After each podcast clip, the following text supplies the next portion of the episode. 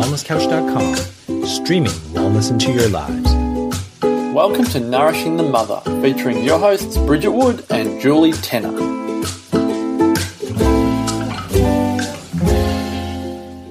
Hello and welcome to Nourishing the Mother. I'm Bridget Wood. And I'm Julie Tenner. And today's podcast is getting to a place of yes for more children. And this comes from a listener's email. So before we jump into that, we'd love to remind you to jump onto nourishingthemother.com.au and on the homepage, join up to our tribe with your email address. And once a week, we'll shoot you an email with links to everything we put in the world. And you can pick and choose where you'd love to dive deeper. And then occasionally we send you another email that's a little bit more intimate than what social media allows. So mm. if you'd love a little bit more nourishing of your mother during the week, then jump on to join our tribe. So, Bridget, we had this uh, private message from, or maybe it was on a socials post from a listener, and I would love to read it to you. Mm. I would so love to hear you guys do a podcast on your thoughts on how you know when you're done having kids, especially in the light of Bridget's coming to a place of yes with her partner for a baby number three. Would love your thoughts on navigating these discussions consciously. Posting here just in case it's already been discussed and one of the tribe members can point me to an episode. And thank you as always for the labour you put into this group. I know how much work this is. I remember thank that you. now. It was one of our gorgeous members in our private group that wrote that. So, and I love how much we get inspiration for our podcast from you know your stories so it's so cool. yeah thank you for bringing that to us um it's been a really conscious path to get to super conscious actually yeah. like when you think back like you and I were talking yesterday on I can remember you like almost literally giving birth to Sylvia and being like I'm not done mm. Yeah, I didn't feel done. Yeah. And and I think and some people I know some people really do. Like they're, they're very conscious about I'm having two children, I'm having one child and that's it and, and, and I don't want to go there again. Yeah. Yeah. But but there was still a, a real sense that that I did want to go there again. Mm. And that, that there was um yeah, I just didn't feel that sense of of, of finishing. Of doneness. Of doneness. Mm. And and I was thinking back actually to being um, at the wellness summit with Sylvie, who was like three weeks old, wrapped in a sling. We were yeah, having these same yeah, conversations, yeah. and and even amidst like you know that newborn haze of like no sleep and you know just the upheaval of of navigating growing your family, there was still a real part of me that had that aspiration, but also seeing that I had to really be open to how. Um, how it could unfold, knowing that that I, because there was complexity there, because you also had this kind of anxiety ish knowing that your husband was done. Yeah, that he, and particularly, yeah. you know, everyone would say, Oh, you've got a boy and a girl, like, oh, you can, you're done now. Like, and, and people would say, like, say to me, "Oh, you know, your family's complete," and and they'd say that to me, and I'd be, "Isn't that interesting?" Yeah. And I imagine also, I wonder for your mum because she obviously had two children, a boy and a girl, and yeah. she was done. Yeah. And sometimes moving beyond our own family story is really challenging. Mm. And there's been some real beliefs that I've had to come up against with that because, you know, my mum's story is also that she would have liked to have a third but, really? Yeah. But she had chronic fatigue syndrome. Um, and that really, I don't think she had the support that she needed or needed. perceived she needed yeah. to get to get to that place. Yeah. Um, and it was also something that I was aware of growing up that I wish that I had another sibling. Oh, that's so, so interesting. Yeah, so I I, I do um, I do see it, you know, as a you know, if, if we look at family constellations and and the family legacy, I do wonder if it's part of um, me fulfilling part of what you know that what she was seeking to to create in her family as well mm. um, but that it's that it's my generation to break through that that all of the reasons why I can't mm. because there was another belief that cropped up when I was with my acu our acupuncturist who's also our therapist and and I was like you know part of me is like well who am I to like have three healthy children like who am I to um to be that lucky, be that lucky, or even yeah. um, be that um, take up that much space, mm. you know, and you know, then then ensued that whole who are you not to, and and I get all that on an intellectual level, and as you and I both do, but sometimes breaking through the the intellectual land of of yes we get this and landing it in our bodies can, is a bigger piece. And that's really been uh, the process i think of of choosing and consciously creating um, you know a third pregnancy or you know third baby. And and that journey has been you know a lot of back and forth with my husband and i on on an willingness to go there. So I think if you can take us back, what I'd love to start with perhaps is the rising sense of anxiety, perhaps perhaps some feelings of deprivation at the thought if you've played ahead and he won't get there. Like let's say we've played this mm. out in our mind. I'm thinking about our listeners. I'm certainly mm. thinking about myself and the processes and I'm wondering if it's your story too. You kind of cast ahead how your partner's going to be and how they're not going to want this. And then so mm. you were almost in the same moment as wishing and wanting, feeling a sense of loss and deprivation. Sorry, we're podcasting outside today. So you may hear some background noises. like a bus just, went- just went fast It's a hot day, so we thought we'd sit outside. Anyway, and I can get that concept of it almost feels too big to ask for, mm. let alone get to the point of of feeling like it was an equal yes, mm. because their no, your yes, perhaps even can't really own your yes and say, I mm. want this thing. Maybe it's still you have feelings and beliefs around it's not okay. Like you, I can't take up that space. I can't encroach on someone else's desires for life. Mm. And these feelings perhaps of loss or grief or deprivation that creep in when we play that story mm. out in our own heads. So I'm just kind of painting the picture for I can completely get how we're there. Mm. So were you there? Yeah, and I think I was really there from the perspective of can my relationship hold this? Like, can my relationship handle this? Particularly because you know we're on this conscious parenting path, and that requires you to to really deeply grow um, in relationship to your children and your partner. If you're wanting to have ensure that everybody in the family is feeling fulfilled and connected, and um, you know able to grow and you know that we're all looking at our stories and busting them and and being willing to level up in our behavior you know that that when we're asking ourselves to do that you know naturally expanding your family is going to bring more growth and with that the, the, the process of growth is pain and so certainly that has been you know in the early days a conversation that i was having in my own head and also with my husband um, around So how did that look? How did that look in your own head and body to even get to the point where you could verbalize I actually really want this. Because I mm. think about having that conversation in my body, all I can feel is anxiety because he doesn't. And it's almost like asking someone out on a date who you're madly in mm. love with Look, and they reject you. it started off a lot with jokes, right? So humor as a path, which which is part of my husband and I's like um, language mm. because it's an icebreaker because it paves the way for deeper conversations, and so like kidding, not kidding. Yeah, Yeah.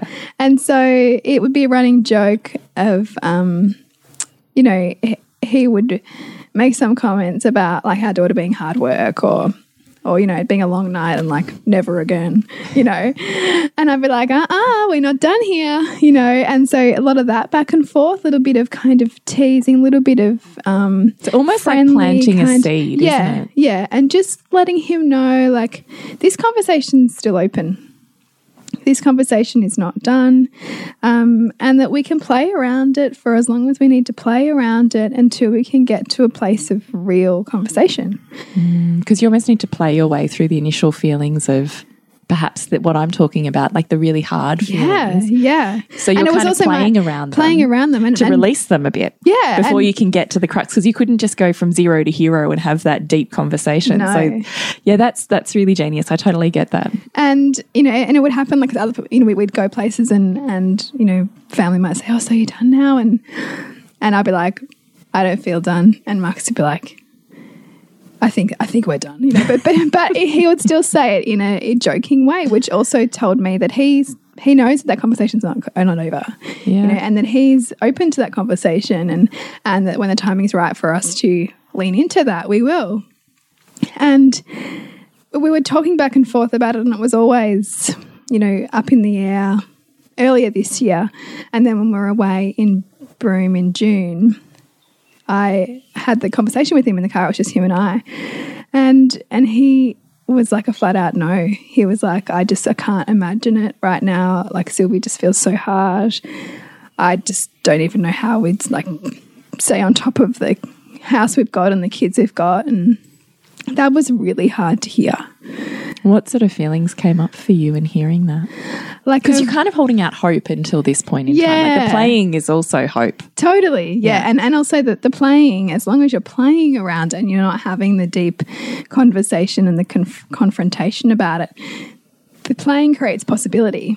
Mm. When you go straight to that hard and fast conversation, or even, you know, even like the pushing. If you're pushing them, it pushes them away. So I was also well aware of mm. that too. That there's a there's an approach mm.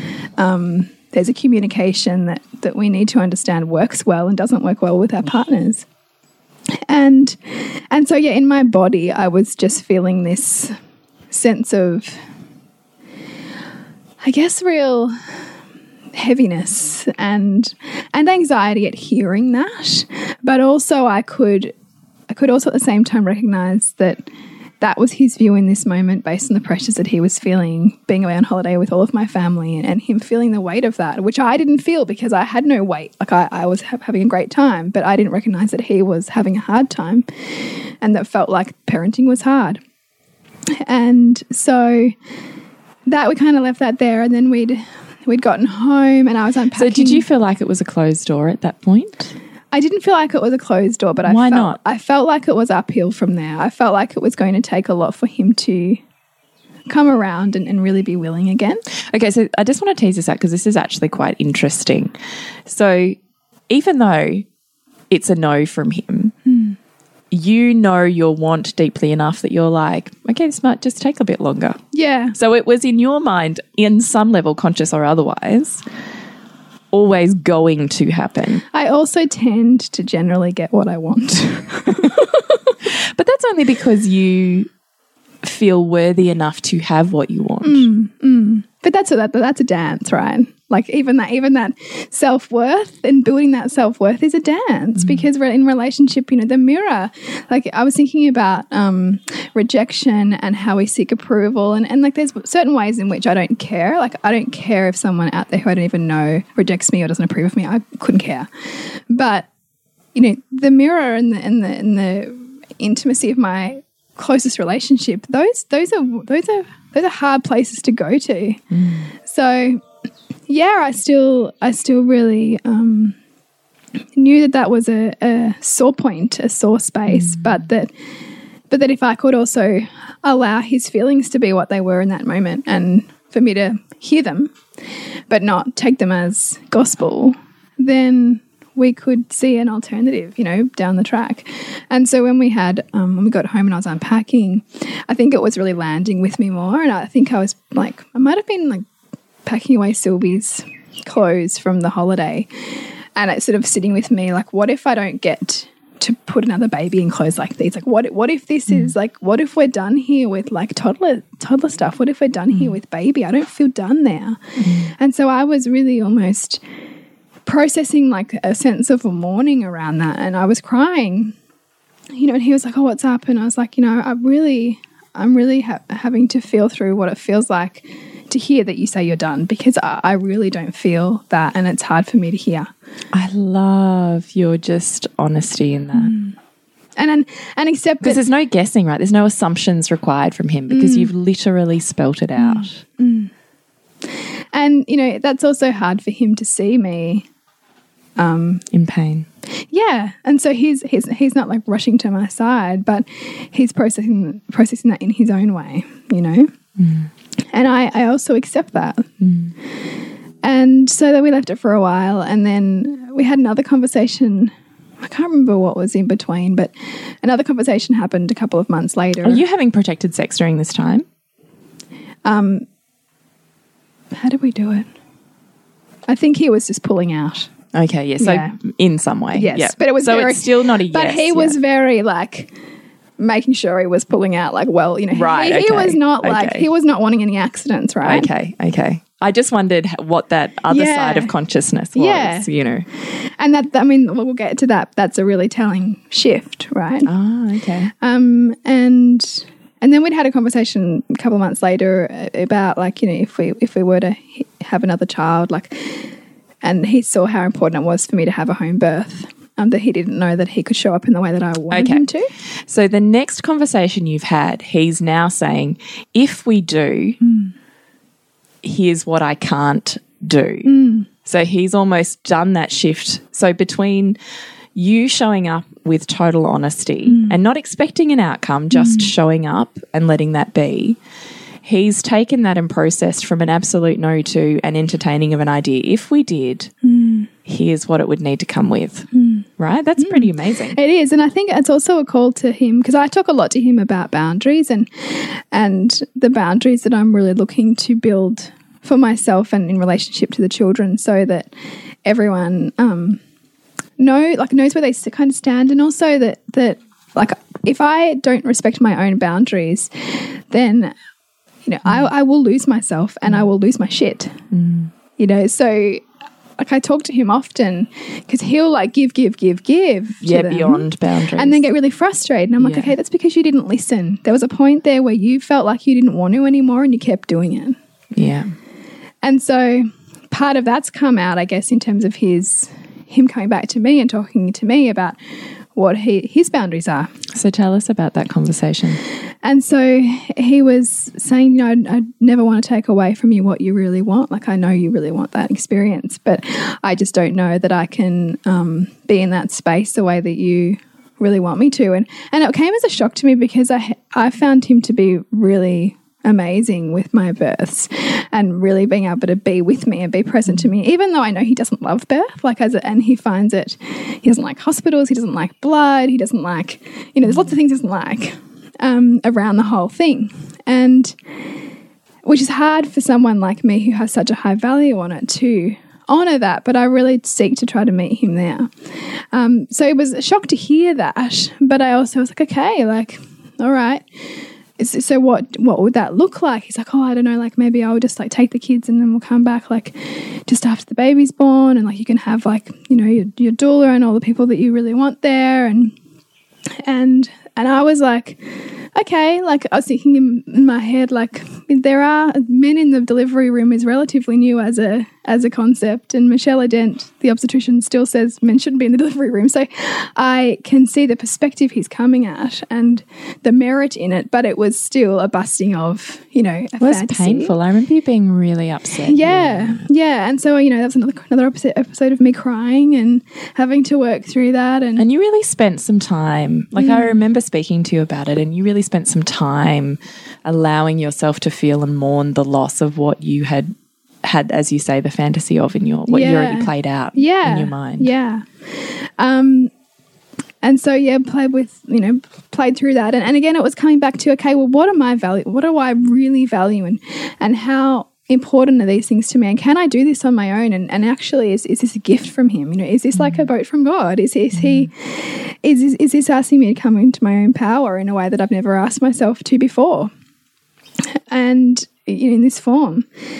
And so I was really like, okay, well, I still want this. And so, how do I need to resource myself knowing that he may or may not be in my primary space? Mm. And left it at that in my head, you know. Um, and then a few more months passed, and and there was a there was a definite shift. And you know, one of the main ways to sort of see that is in the bedroom, you know, in the conversations that we were having, and um, in his shift into yes, in his shift into, you know, let's do this. And I think part of that was um, him growing a deeper relationship with our daughter and and seeing more of her personality independent of the things that he felt like were hard. Because you know, I think I think uh, especially when you have a bigger age gap, you forget some of the different demands of, of babies and toddlers. And so he had this rose colored view of what Hugo was like, that he was like never like as demanding as Sylvie, which he was in his own way. Um, and so as she's grown and found her voice more and her independence, he's, you know, loved on her more and and been able to create more distance from the difficulty. And there, there was just a shift, I think, too, when he recognized that you know, what you really, really value and the time we get to spend with our kids is often really fleeting. and that life is short. And it was a story of a, he told me late one night of a golfer, I think, who had been diagnosed with a terminal illness or something. And, you know, this golfer was being interviewed and he was just like, you know, saying it just puts into focus my kids and, and how important being with my kids is. And I think that that really um, brought it home for Marcus. Really, Which is genius, really, when you think about how we filter our world only to what we need for our next evolution of growth. yeah, He's got, he's seen, I mean, he could easily have ignored that, not seen it, not paid any attention to it, but he's seen someone speaking in his value system, Yeah, so in sport, in sport. about his other value system, parenthood, Yeah. and perceives it in a light such as, you're right, which is really just his unconscious. Mm. Yeah, bring, bringing that Yeah. to him. Yeah. And so that was one of the turning points. And I think it was also him recognizing that it wasn't something that I was going to let go of so easily. And Because the way that you were framing it, correct me if I'm wrong, was you were having the hard conversations and parenting yourself through the feelings before and after those, but then also leaving him with, I get that, I respect that, but this conversation's not done. Mm. yeah. We're still, it's still open. Yeah. And I think I, you know, when I look at what I've visualized most and what, what I see in my future, I, I see us with three children. I see I see that as a future. Um, but I also see that that creating that will come from having to lean into to difficult places in my relationship that I've likely ignored, right? Like we we will ignore pain until it becomes too big to not fate to you know, no longer fate, no longer avoid Ignore, it. yeah. You know. And so that was what one of, one of my mentors was talking about when I was saying, you know, I just I can't get out of my head this sort of heart yearning, this this um, preoccupation with wanting to have another child. And she's like, yeah, you know, maybe that's part of what you're you're seeing as, as growth for your relationship and your relationship is such a high value for you and family such a high value for you that, that to grow in that way um, was is a conscious path to choose. Um, and so that was interesting to have that that reflection, and I think also to look at motherhood as um, an entrepreneurial endeavor too. Like she, we were just talking about, you know, the way that we revere successful in inverted commas um, business women or women who do it all. Um, and we see women who run companies as some as some amazing feat, but we don't recognize that with every kind of child you add, you're having to add more communication skill sets, more time management skill sets, more of like a CEO type mindset in terms of how you get everybody's needs met and how you get the ultimate How you outcomes manage the home business. how you manage the home. And while as a culture we don't tend to value the work in the home and the work of the parent and the mother, uh, it's just a different form of the same thing that people are going out to mm. try to govern in a workplace. Mm. It, it has its own set of challenges that we're having to work through and find solutions for. And so with that comparison that was was quite interesting too because I'm like, yeah, I can see how it's also asking me to level up, mm. you know, and and grow into a different version of myself as a woman and a mother and an entrepreneur. and an entrepreneur. Yeah. So we just landed at that place where we were having hot, amazing sex and we were like going for it. And there was not a stop anymore. There was a, and I would check in. I'm like, you know, do you want to, like, are we doing this now? Like, are you really ready? He's like, yeah, yeah, let's do this. And then that, that's where we found our willingness. And I think to find it and agree in that space of intimacy is really powerful too. Um, so here we are, Baby number three. baby number three. How you feeling? Good, good now. And the first trimester, even the first trimester, is, is a lot of, you know, you've got the physical illness of it, but you've also got the growing into, okay, like I'm now mothering three, like because hmm. this baby's here in some form already. Like even though it's not in my outer world, I'm feeling it now. I'm tuned into it now. Like I'm thinking about how I need to look after myself to look after this baby and still hitting massive edges around time management and capacity and all of those things. But I think that that's natural. And I think if I wasn't, then there'd be a problem because then, I, then there'd be something that I wasn't looking at if I wasn't willing to own the challenge of it. Um, and I think a lot about the difference, as you would, the mother that you are when you're pregnant with your first versus the mother that you are every other time you're pregnant, and how you are a different woman being called to grow in different ways in relation to yourself and who your identity, and also in relationship to everybody else around you. whoever you've called in to be part of where you're at. So, what does that look like for you? I'm still figuring it out. It's a good answer. I'm still figuring it out. And thinking about you know what, what, what where my kids are going to be at and and how to still you know because a, a big thing for my husband is is you know sexual intimacy and and how to still create that and and nurture that you know with the mm. demands of a mm. of a newborn and a baby because you know he'll make the offhand comments sometimes you know like it's another two it's like two more years like we've got because it's a, that first two years is pretty big. Mm. Um it's pretty demanding. And so i can sense that he feels he's almost like got that impending sense of loss of me in that um, and so that's also a reflection on on how can i expand more of myself to show up in more of my roles without having to cut parts of me off just to be a mother you know like how can i still be a central woman and see see him and his advances and you know make space for them as well as make space for my baby and my other children And what are you thinking about that? I think a lot of it is um, challenging my conditioning.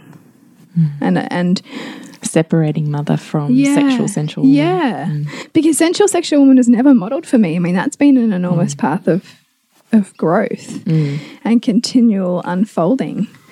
And so that's a practice. And culture says they're separate. As yeah well. yeah. Our culture. our culture. And and almost makes makes anything any suggestion of the two together as like taboo or mm. Or just generally not possible because, you know, you're the dried up, shriveled up woman from having children, yeah. Damaged goods. yeah. And i mean it looks like being playful. Like even the other morning like my kids are at an age now where they might like go and play in the lounge room for 10 or 20 minutes and not interrupt us.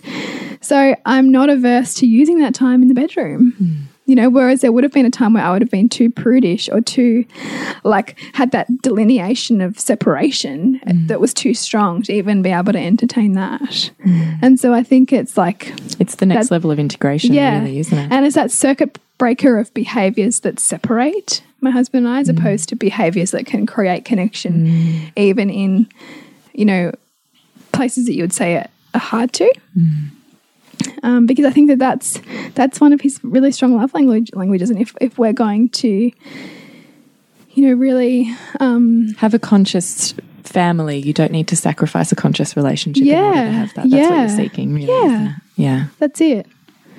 Um, so that's what I'm thinking about at the moment. What about your birth?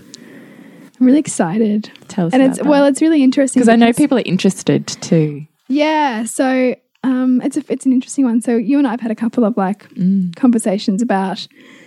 I was really intentional about in interviewing and choosing midwives was like my first kind of step. And you did that quite early. How many weeks were you when you were doing that? I must have been about ten or 11 when I really seriously was was searching. And the wonderful thing about being in the world that you and I are in is it? I'm just it's so nice to be so Uber well con- connected. uber connected. so I got lots and lots of different um, opinions and rec rec- recommendations, and then had a few meetings and and just really feel So, how did you choose? How, when you say you had a few meetings, it's kind of like an interview process. Yeah. What are you looking for? I'm looking for a midwife who is deeply connected and enamored Connected with birth With birth. and with women's power and women's wisdom and with respecting the sanctity of women's bodies mm. and honoring a woman's unfolding in pregnancy and birth. While at the same time being skilled enough and wise enough and humble enough to have the clinical experience and knowledge and ability to separate her own values with what she's faced with right in front of her. Medically, you're medically. talking about. Medically. If there was an instance where you would need to transfer. Yes. Or if there was something in the pregnancy that was indicating that there's a problem, or if there was anything that wasn't adding up. Um, and also, So, what, what, I mean, what does that mean for you? So, when you're saying, I'm looking for someone who has that, what are you not looking for? Is that an easier question? yeah. I'm not looking for someone who is basically the opposite at the opposite end of an obstetrician on the scale in terms of their way. Um, this is the right way. So free birth, home birth at all costs. Yeah, don't want that one Yeah. because I think that that's just the same other side of the same coin in terms of you know um, not looking at practically at what's in front of you and looking at the woman and her story and the baby and you know just just anyone who's got a hard line right or wrong approach because I don't think that that really serves the woman and I think that it can get in the way of um, really being with a woman because you've got your own agenda that's driving driving things Both ways. both ways Yeah. right on either end On either end. Yeah, totally. so really um, knowing that also um, a midwife who would provide me with all of the evidence and and without pushing for their belief or their advice but giving me everything that I need to make an informed decision. Because I don't know that that's necessarily what I've had in the past and I think that, that might have been a little bit missing for me. Hmm. And I'm really pleased to say that one in particular is amazing at that. So you have two midwives. Two midwives, yeah. Yeah. Um, one that I can chat to and lose time with and just feel like I want to give a hug to, you know, like that I can welcome into my home. And that, Which creates the sense of known, trusted woman yeah, who is not jarring then in birth and who you are already comfortable opening to.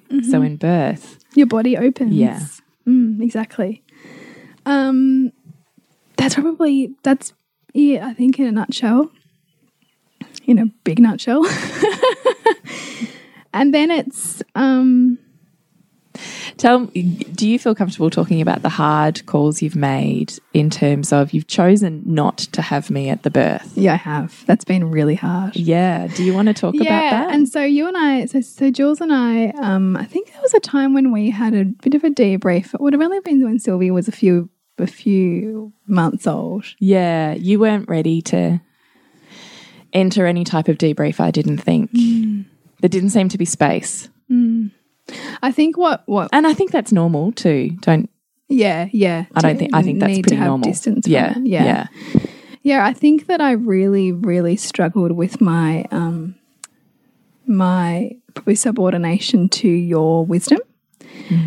and and didn't honor the the the gaps that I was filling in me um, to be safe in in where I'd found myself, and and, and I definitely think that I was in a space when I was towards the end of Sylvie's pregnancy where I was trying to do all things and be all things to all people and was not centering myself as much as I needed to in exactly where I was to create the outcome that I said I wanted. And and I think probably even the mirror of you, whether I was conscious of it or not, probably brought brought that to light, but that was not something that I was willing to see at that point. Mm. And so I've made a conscious choice this time, as much as it's really hard, to mm. to know what I need mm. and to know my weaknesses.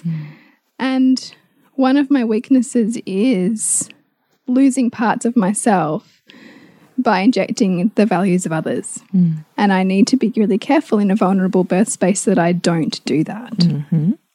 So that is why I've chosen not to. Mm-hmm. What about your mum? She's not coming either. Mm, tell us about that. So I really So these are really hard decisions. really hard. That you have had to parent yourself through. Yeah. With now the, I would say, single minded vision to enough of the bullshit. Mm. How do I do this? Yeah. So What do I need? I haven't actually had that conversation with it. her yet. Haven't you? No. What's happened on your internal world? Well, it's really interesting. So my pregnancy with Sylvie, at around 30 weeks, I got a really nasty kind of case of bronchitis, which lasted for weeks and weeks. And Yeah, I, I act- I actually quit my job. I'm pretty sure we were recording L2L and you were like coughing your way through it. Yeah. Yeah. Wasn't it L2L? Was it? One of I them. think it was L2L. Yeah, Yeah. it would have been. And I was had a consult with a um, amazing facilitator and, and doctor, And he said to me, Look, I I really feel like there's a lot of grief sitting there, and I think it's your mother. I think you've got a big, some big mother stuff going on. Like, how does that sit with you? And it was so true, but I, I still couldn't face it at that point in my pregnancy. I think that me knowing I was having a girl and me facing new layers of my relationship with my mum was really painful for me in that pregnancy. And then in my birth, whenever I would look at mum, or when I was in labor, whenever I would look at her, she just had this expression of pain and um, like she couldn't be there. Like like seeing me, Anxiety. yeah, anxiety, complete lack of presence, um, just wanting it to go away. Like it just looked painful for her. I. She was not some. She was not. She was not. And that was in hospital. Yeah, that was in hospital. Could you imagine at home? And so I realized then, and in fact, she she ended up leaving because she got really tired. Um, as soon as she left, I had like the biggest contraction I'd had in rem- ages. And remember, she had a car crash on her way she had a there. car crash on her way there. Yep. Yeah, big stuff. And then you had the biggest contraction after she left. Yeah. That's true, because you'd kind of plateaued a bit. Yeah? I had. So really, um, really, re- really stepping into that decision, and and and I'm really okay with that. Like I really feel congruent with with that. So your birth now looks really different to Sylvie's birth because you don't have Marcus, you don't have your mum, and you don't have me. Mm. So when you think, I'm thinking about listeners, when you're thinking about structuring your birth, you're thinking, oh, I'll have the people I love the most mm. with me mm. because they'll support me the best. But in birth, you are walking your subconscious. So you've got to be willing to structure a space in which you're only as strong as your weakest link. Mm-hmm. And if you know your links have weaknesses there due to any factor, conscious, unconscious, belief systems, their mm-hmm. own values and belief systems, their own stories that they carry, because we're energetic beings. Whoever mm-hmm. is vibrating with an energy, you'll be vibrating at it too Yeah. particularly in birth, will change your outcome. Mm-hmm. So I actually get really excited when I hear this, Bridget, because I feel like in my head, I have these visions of like the Amazonian queen.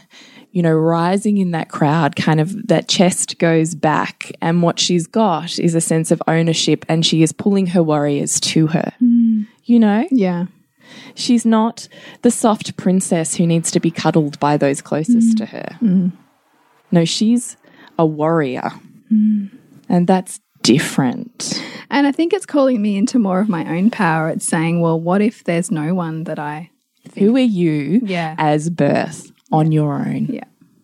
I think it's genius. Mm.